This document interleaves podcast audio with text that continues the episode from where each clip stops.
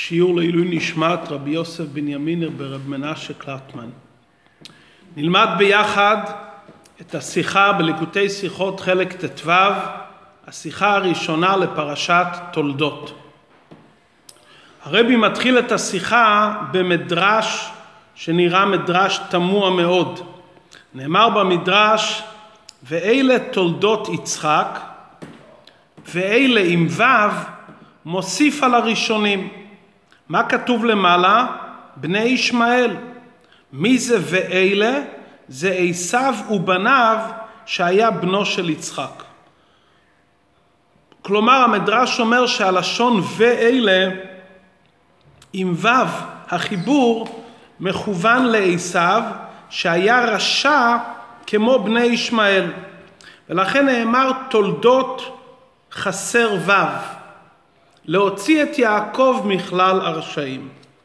נראה מהמדרש שעיקר ההדגשה כאן בפרשתנו שמי הם תולדותיו של יצחק אבינו לפי המדרש לא יעקב אלא עשיו.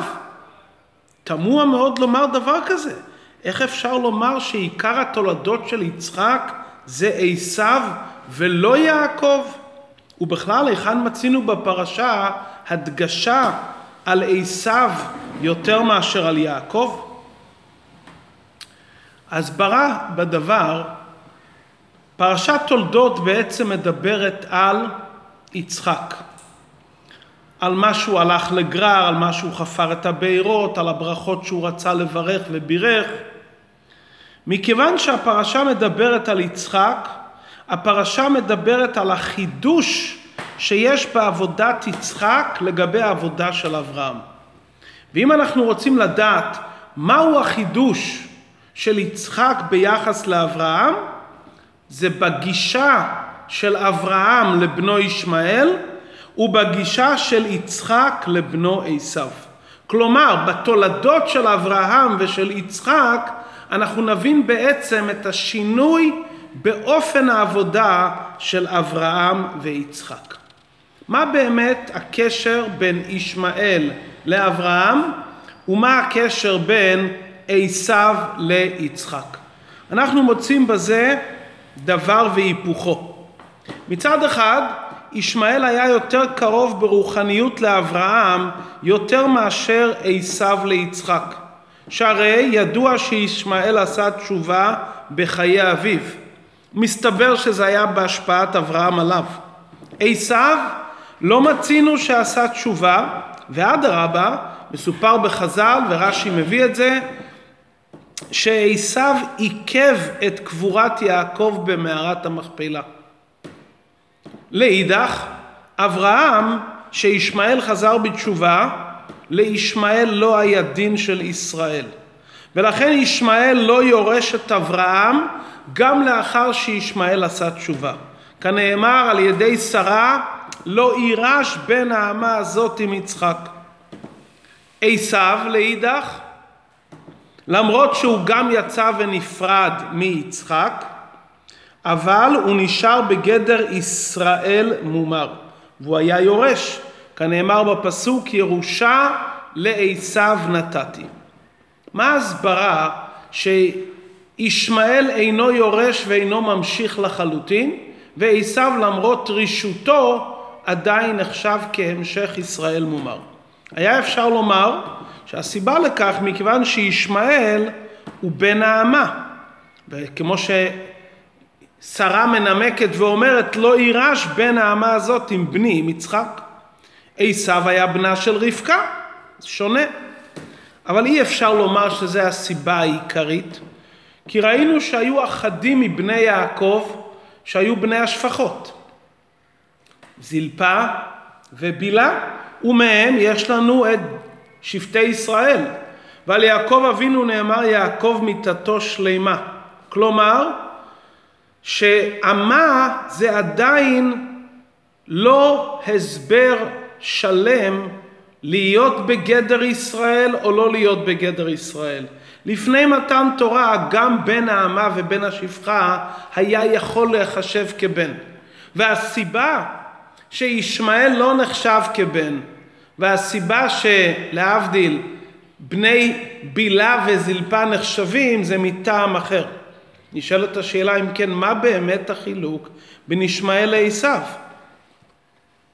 שישמעאל למרות התשובה נפרד לחלוטין מאברהם. ועשו למרות שלא חזר בתשובה, השייכות שלו ליצחק יותר עמוקה מהשייכות של ישמעאל לאברהם. הדברים יובנו כפי שהרבא ממשיך בסעיף ג' על פי דברי חז"ל שעשו ראשו קבור במערת המכפלה. הגמרא מספרת שהגיע נכדו של יעקב חושים והוריד את ראשו, וראשו של עשו התגלגל למערת המכפלה, ועד היום ראשו של עשו הרשע נמצא במערת המכפלה. בלשון חכמינו, רישא דעשו, הראש של עשו, בגו איתפא דיצחק.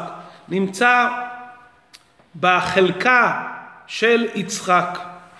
הדברים תמוהים. יש דין בהלכה שלא קוברים רשע אצל צדיק. למדנו בנביא שהושלכה גופה של נביא שקר לקבר של אלישע, הקדוש ברוך הוא עשה נס באמצעות אלישע שהיה תחיית המתים, שנביא השקר קם לתחייה, העיקר שלא יהיה קבור יחד עם צדיק. כאן רישא דעשו רשע נמצא אצל יצחק אבינו שהוא אחד מהאבות מרכבה להשם?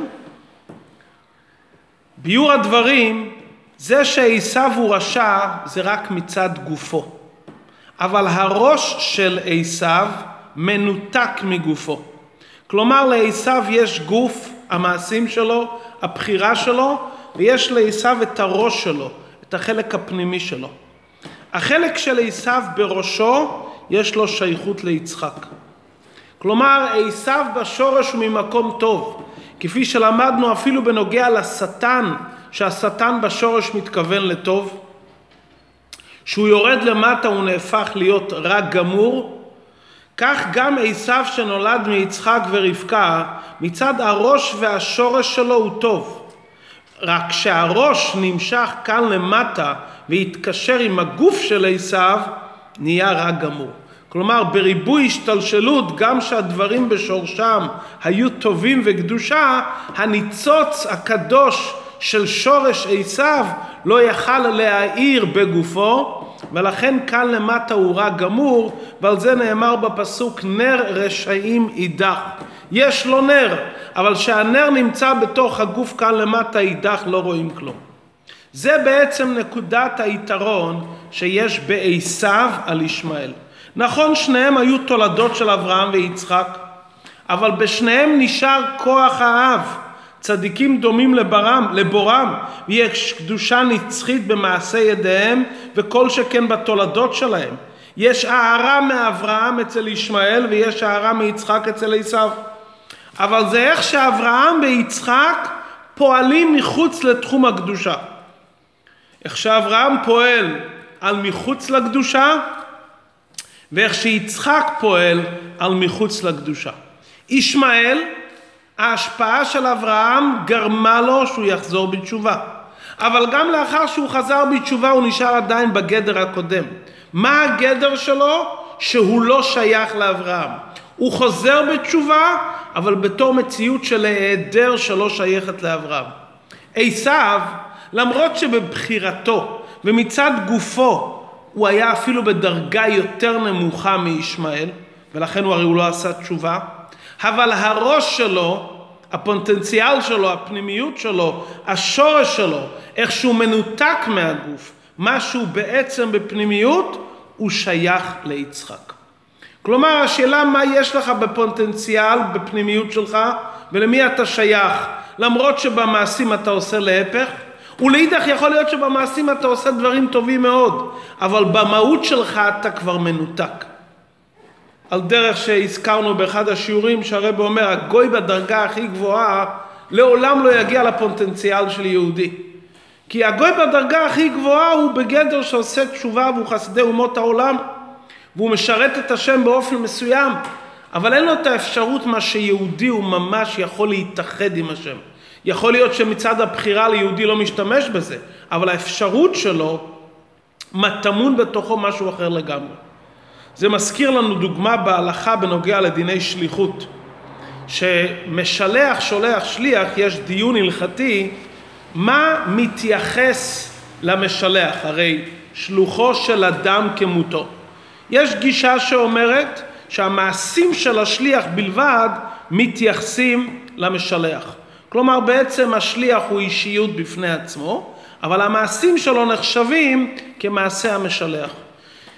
יש גישה יותר עמוקה שהשליח בעצמו עומד במקום המשלח ובדרך ממילא גם המעשים שלו. כלומר, לפי הגישה הראשונה, השליחות חלה על הגוף של השליח. הוא בן אדם חיצוני, והוא עושה מעשים, והמעשים הללו מתייחסים. כלומר, השליחות נסובה רק על הגוף של השליח. לפי הגישה השנייה, שהשליח עומד במקום המשלח, הראש של השליח, המהות שלו, שזה עצם האדם, מתייחסת למשלח. זה ההבדל בין ישמעאל לאברהם ועשיו ליצחק. ישמעאל, הקשר שלו לאברהם היה רק בחלק המעשי. הוא חזר בתשובה. אבל במהות שלו הוא נשאר נפרד ומנותק מאברהם. כמו ההגדרה הראשונה בשליחות.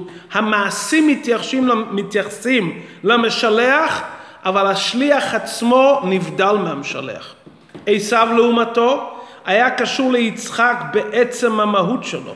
כמו שליח שכל גופו נעשה חלק, ולכן הראש שלו, שזה מסמל את עצם ומהות האדם, היה בחיקו של יצחק. כאן הוא השתמש בבחירה, היה חסר הביטוי המעשי, הראש היה מנותק מן הגוף, ומבחינה מעשית גלויה, עשיו היה יותר גרוע מישמעאל. ממשיך הרבה בסעיף ו', שההבדל הזה בין התולדות של אברהם ישמעאל לתולדות של יצחק עשיו, אנחנו רואים את זה היטב באופן העבודה הרוחנית של אברהם ויצחק. אחד החילוקים בין העבודה של אברהם לעבודה של יצחק, אברהם עבד באופן של המשכה אלוקית מלמעלה למטה. אברהם עניינו היה להמשיך ולגלות אלוקות בכל מקום.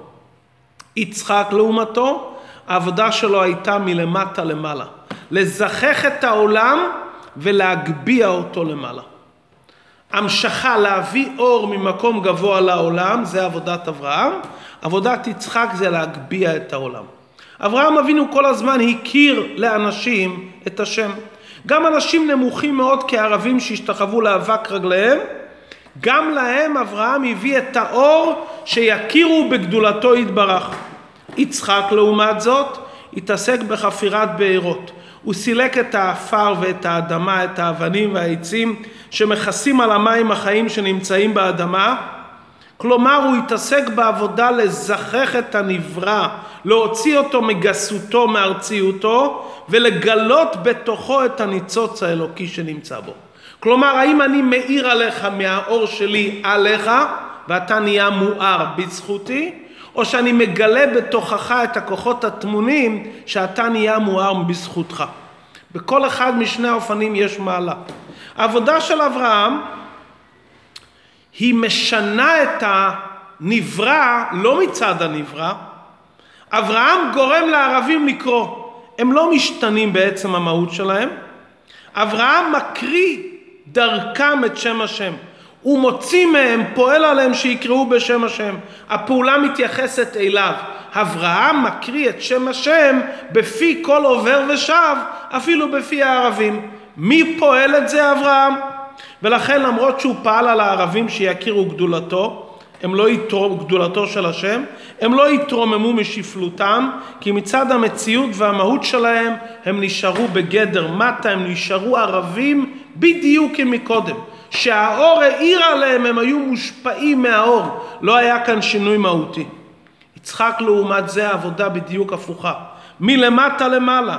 הוא גורם שהמטה, שהעולם, המציאות, תתרומם, תתעלה ויהיה לה שייכות לאלוקות. הוא חופר בארות ולא מביא מים ממקום אחר. הוא לא מביא מים משלו למקום הזה. הוא חופר עד שהוא מוצא את המים החיים באותו מקום. לאידך, יש מעלה באברהם על יצחק. כי ברגע שאתה ממשיך אור מלמעלה למטה, גם אם המטה מאוד נמוך, אתה יכול להמשיך לו את האור גם איך שהוא נמצא.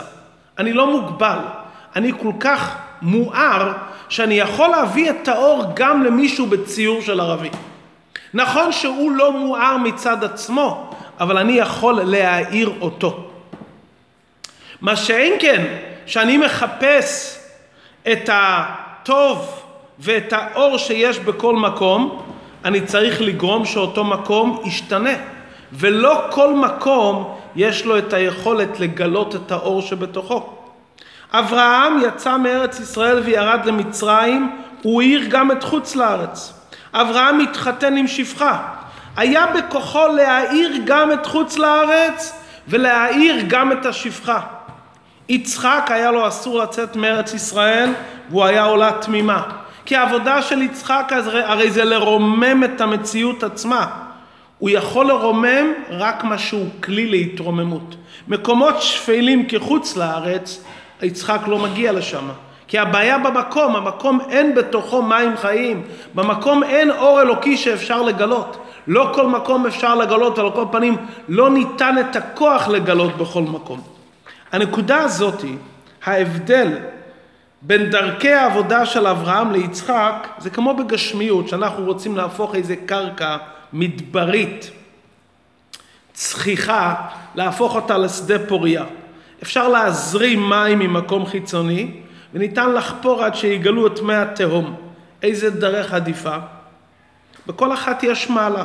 הדרך הראשונה, שאני מזרים מים ממקום אחר, בעצם אני לא משנה את הטבע של הקרקע. הקרקע נשארת להיות צחיחה, יבשה, והיא כל הזמן זקוקה לזרימה תמידית ממים ממקום אחר, כדי שיהיה ניתן להפיק תועלת מאותו אדמה.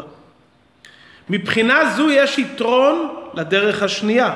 היא לא מביאה מים ממקום אחר, היא חופרת ומשנה את הטבע של הקרקע ומגלה את המים הטמונים שבתוכה. לאידך יש מעלה באופן הראשון. כי הדרך השנייה מגלה שהקרקע הצחיחה היא בעצם לא צחיחה באמת. בפנימיותה טמון בעצם מים חיים, והיא מגלה את המים החיים שנמצאים בתוכה. זה הדרך השנייה. אבל עם יובש אמיתי היא לא מסוגלת להתמודד. אם יתברר שהקרקע היא צחיחה ואין מי תהום שזורמים מתחתיה, אין פתרון. מה הפתרון היחיד? להביא מים ממקום אחר. כלומר שהמקום צחיח באמת, הדרך היחידה להביא מים ממקום אחר. זה העבודה של אברהם ויצחק. אברהם ממשיך, מגלה אלוקות, מביא את הבריות להכרה אלוקית, הבריות לא השתנו, אבל הוא מביא את זה לכל אחד במקום שהוא נמצא. יצחק שרוצה לפעול בדרך של חפירת בארות, לרומם את המטה, להסיר את המהווה המגושם, אז הוא צריך למצוא את הנברא שהוא כלי לזה. אם הנברא הוא בגדר חוץ לארץ, אז אי אפשר כרגע להעלות את הנברא לדרגה רוחנית. זאת אומרת, אם מדברים על שינוי מהותי, צריכים לפעול שפלוני יהיה כלי לשינוי מהותי. לא כל אחד כלי לשינוי המהות. אם אבל מביאים אור ממקום אחר שיאיר באותו מקום, כאן רואים את המעלה של אברהם. אברהם יכול להאיר ולהגיע לכל אחד, כי האור שלו מאיר על כל אחד, למרות שלא משנה. יש להאיר ויש לשנות. זה עבודה פנימית יותר, וזה עבודה שמגיעה לכל אחד. ולכן אברהם קודם ליצחק. אברהם קודם מאיר את האור, ויצחק לאחר מכן עושה את השינוי הפנימי. ולכן אברהם שהעיר על ישמעאל, גרם לו שהוא יחזור בתשובה, פעל עליו שיחזור בתשובה, אבל זה היה הרי פעולה והשפעה של אברהם. מי שמת אברהם נפל, כי כל ההשפעה שהייתה על ישמעאל הייתה מכוחו של אברהם. הוא לא התרומם בעצם, ולכן ברגע שאברהם לא נמצא, והוא הרי יצא ונפרד מאברהם, הוא לא יכול להיות יורש של אברהם. כי כל הזכות קיום שלו זה כי אברהם מאיר עליו. אברהם מגיע גם אליו, הוא גורם לו לחזור בתשובה. הוא מצד עצמו לא השתנה. אברהם יכול להתחתן עם אמה, כי הוא מאיר מהאור שלו עד המטה. הוא לא משנה אותה, הוא לא משנה את המהות, אבל הוא מאיר מאורו הגדול, בדרך מלמעלה למטה, הוא מאיר על כל מקום. יצחק לאידך, שעניינו לרומם את המטה ולשנות את המטה ולעשות שינוי פנימי, אז התולדות שלו הם קרובים איתו בעצם, כי הוא בעצם משנה את המהות שלהם, לכן לא היה שייך שיצחק ייקח אמה, כי הוא לא יכול לגרום לאמה להשתנות בעצם, הוא צריך לקחת רק את רבקה שזה לכתחילה דבר טוב שהוא לכתחילה, ולכן עשיו הוא ישראל מומר, אבל באמת דברים אמורים שעשיו ישראל מומר מצד הראש של עשיו, החלק העליון שבו, מצד השורש, קשור בעצם כי במקום הזה היה באמת שינוי פנימי, אבל הראש שלו, כפי שמחובר לגוף, כלומר שהוא נמצא במקום של המטה, איך שהשתלשל כאן למטה, הוא נפרד, הגוף נפרד מהראש, ולכן הוא לא עשה תשובה, ולכן קליפת עשיו גרועה יותר מקליפת ישמעאל, למרות שבפוטנציאל הוא הרבה יותר גבוה, כי הוא ישראל מומר, יש פה שינוי פנימי. הוא בא ממקום טוב ונתנו לו את הכוחות להשתנות, זה הראש שלו. אבל בפועל, בכוח הבחירה שלו, איך שהוא התנהג מצד הגוף, הראש מופרד מהגוף. זה ההבדל בין אברהם ליצחק. והתובנות הללו אצל יעקב אבינו, שני הדברים היו כאחד. יעקב עבד בחוץ לארץ, הביא את האור שלו לכל מקום, השפיל את עצמו גם למקום המטה, אבל במקום הזה הוא לא רק האיר את המטה, הוא שינה את המטה.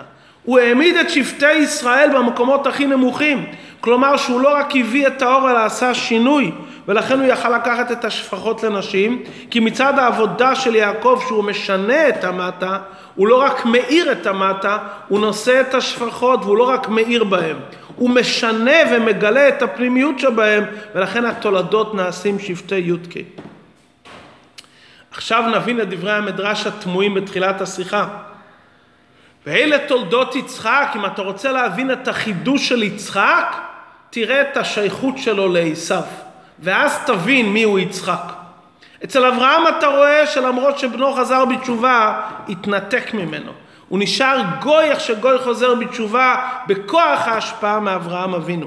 כאן בפרשה התורה מתעסקת בביטוי אבותה של יצחק. איפה רואים את המעלה של יצחק? שהוא רצה לברך את עשיו, הוא ידע, הוא הכיר את המהות שלו.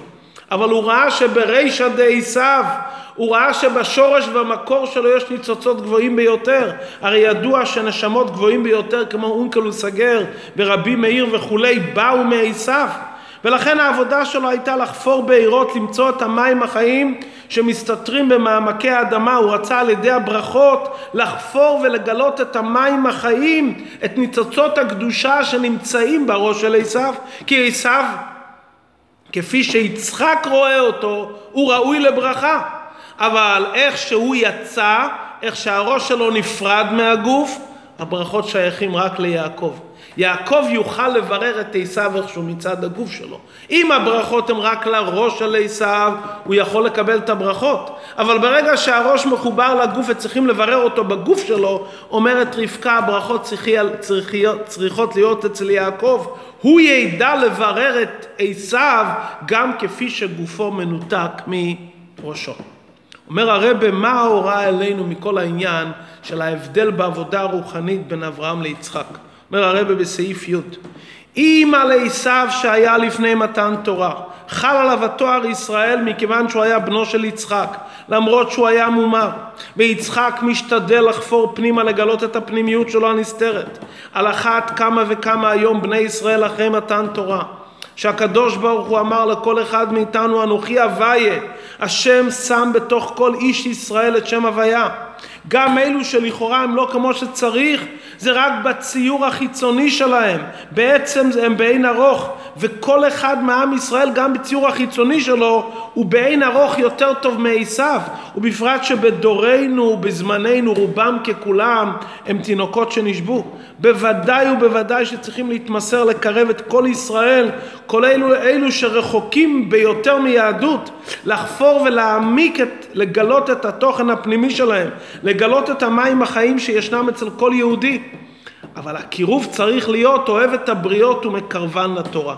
לקרב ולרומם את הבריות אל התורה, ולא לקרב חס ושלום את התורה על הבריות. אסור לעשות שום פשרות בתורה ומצוות, גם אם נראה לנו שאם נפעל בפשרות נצליח לקרב יותר יהודים לתורה ומצוות. התורה עומדת לעולם ולעולמי עולמים, לה לא שינוי ולא גירעון ולא תוספת. אי אפשר לעשות שום פשרות. אלה תולדות יעקב ועשיו האמורים בפרשה. אתה רוצה לתקן את עשיו? האמורים בפרשה, איך שכתוב בתורה, איך שיעקב מברר אותו על פי הדרכים וההוראות שכתובות בתורה. והעצה איך להגיע לכל יהודי ולקרב אותו כראוי, אם נסתכל על הזולת כפי שהוא מצד הראש שלו. ואז לא נראה את השפל המצב שלו. נראה בו רק את העילוי, את הרוממות, נראה את החלק הפנימי שלו. ומה החלק הפנימי של כל אחד מאיתנו? שהוא שייך ורוצה לקיים את כל התורה כולה. אם נראה את הראש הפנימי של כל אחד מאיתנו, נעשה כל שביכולתנו לרומם ולקרב אותו לתורה ומצוותיה, לתורה תמימה. עד כאן השיחה.